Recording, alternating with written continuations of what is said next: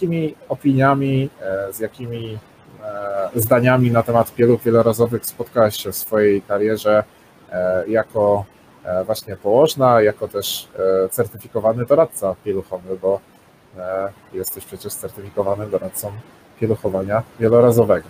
Więc właśnie jakie, jakie są te pierwsze myśli w ogóle, które się pojawiają wśród mam, o których mówią w ogóle, tak? I potem część z nich w ogóle się nie odważy wypowiedzieć tego, co, co myśli o pieluchach wielorazowych, ale, ale te, co, te, co powiedzą właśnie, no to o czym się dzielą takie mamy właśnie.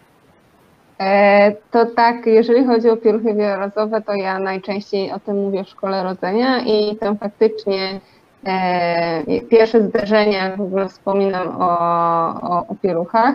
E, to są wielkie oczy i taki dystans, duży dystans, bo w większości się jednak kojarzy to z prasowaniem, gotowaniem i w ogóle full opcją roboty dodatkowej, e, której nie chcą robić przy dzieciach. Przy czym na przykład nikt się nie zastanawia nad tym, że przecież małym dzieciom nie trzeba prasować ubranek, a wiele z mam to robi i sobie dokłada niepotrzebną robotę, a przecież nie ma tutaj naj, najmniejszej potrzeby, żeby to robić.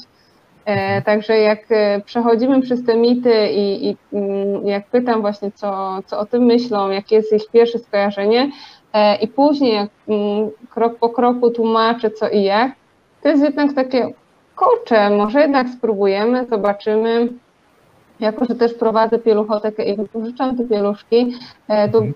mm, duża część właśnie osób ze szkoły rodzenia korzysta później z tej opcji, E, albo w ogóle już zakupuje swoją wyprawkę. To jest dla mnie mega budujące e, i, i myślę, że to jest takie e, no fajne.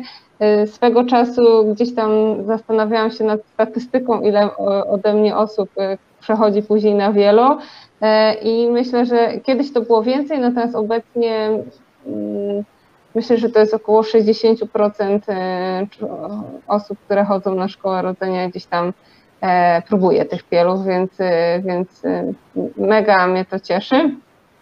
E, I natomiast chciałam jeszcze powiedzieć, jakie reakcje moje koleżanki mają, mają zawodowe, ponieważ kiedyś jak mówiłam, że idę robić warsztaty z pieluchowania wielorazowego, to takie oczy na mnie zrobiły i co, uczysz zakładania pieluchy? I w ogóle przecież to jest cerata tetra, no to o co, o co tam chodzi i co to za filozofia?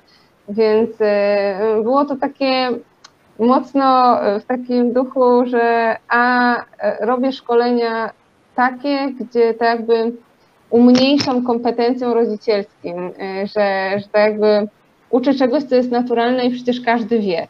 Y, ale myślę, że to przede wszystkim wynika z tego, że większość moich koleżanek nie wie, jakie są teraz pieluchy wielorazowe, nie wie, że jest ich ogromnie dużo różnych rodzajów i że naprawdę, jeżeli ktoś wchodzi w ten temat, to jest mu po prostu trudno na samym początku połapać się w nazewnictwie i właśnie w ilościach, ile tego wziąć, co i tak dalej. Także myślę, że to z tego bardziej wynikała ich reakcja y, niż. To, niż... To, to, teraz się już y, przekonały same do pieluchowania wielorazowego i też przekonują, jak ciebie nie ma na dyżurze, czy, czy raczej. Y, raczej nie wiem.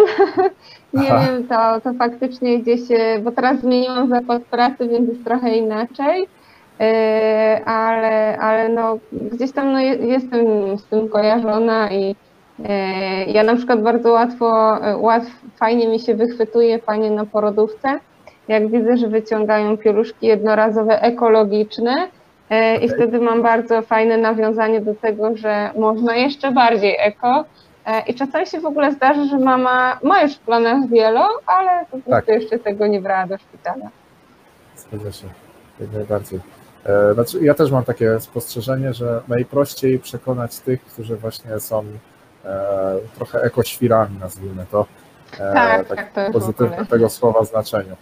E, że naprawdę do, do nich jakoś tak łatwiej, e, łatwiej trafić z komunikatem i E, i tak naprawdę to jest no, najprostsza grupa docelowa z tych, którzy jeszcze nie słyszeli o pieluchach wielorazowych na przykład, tak? Mhm.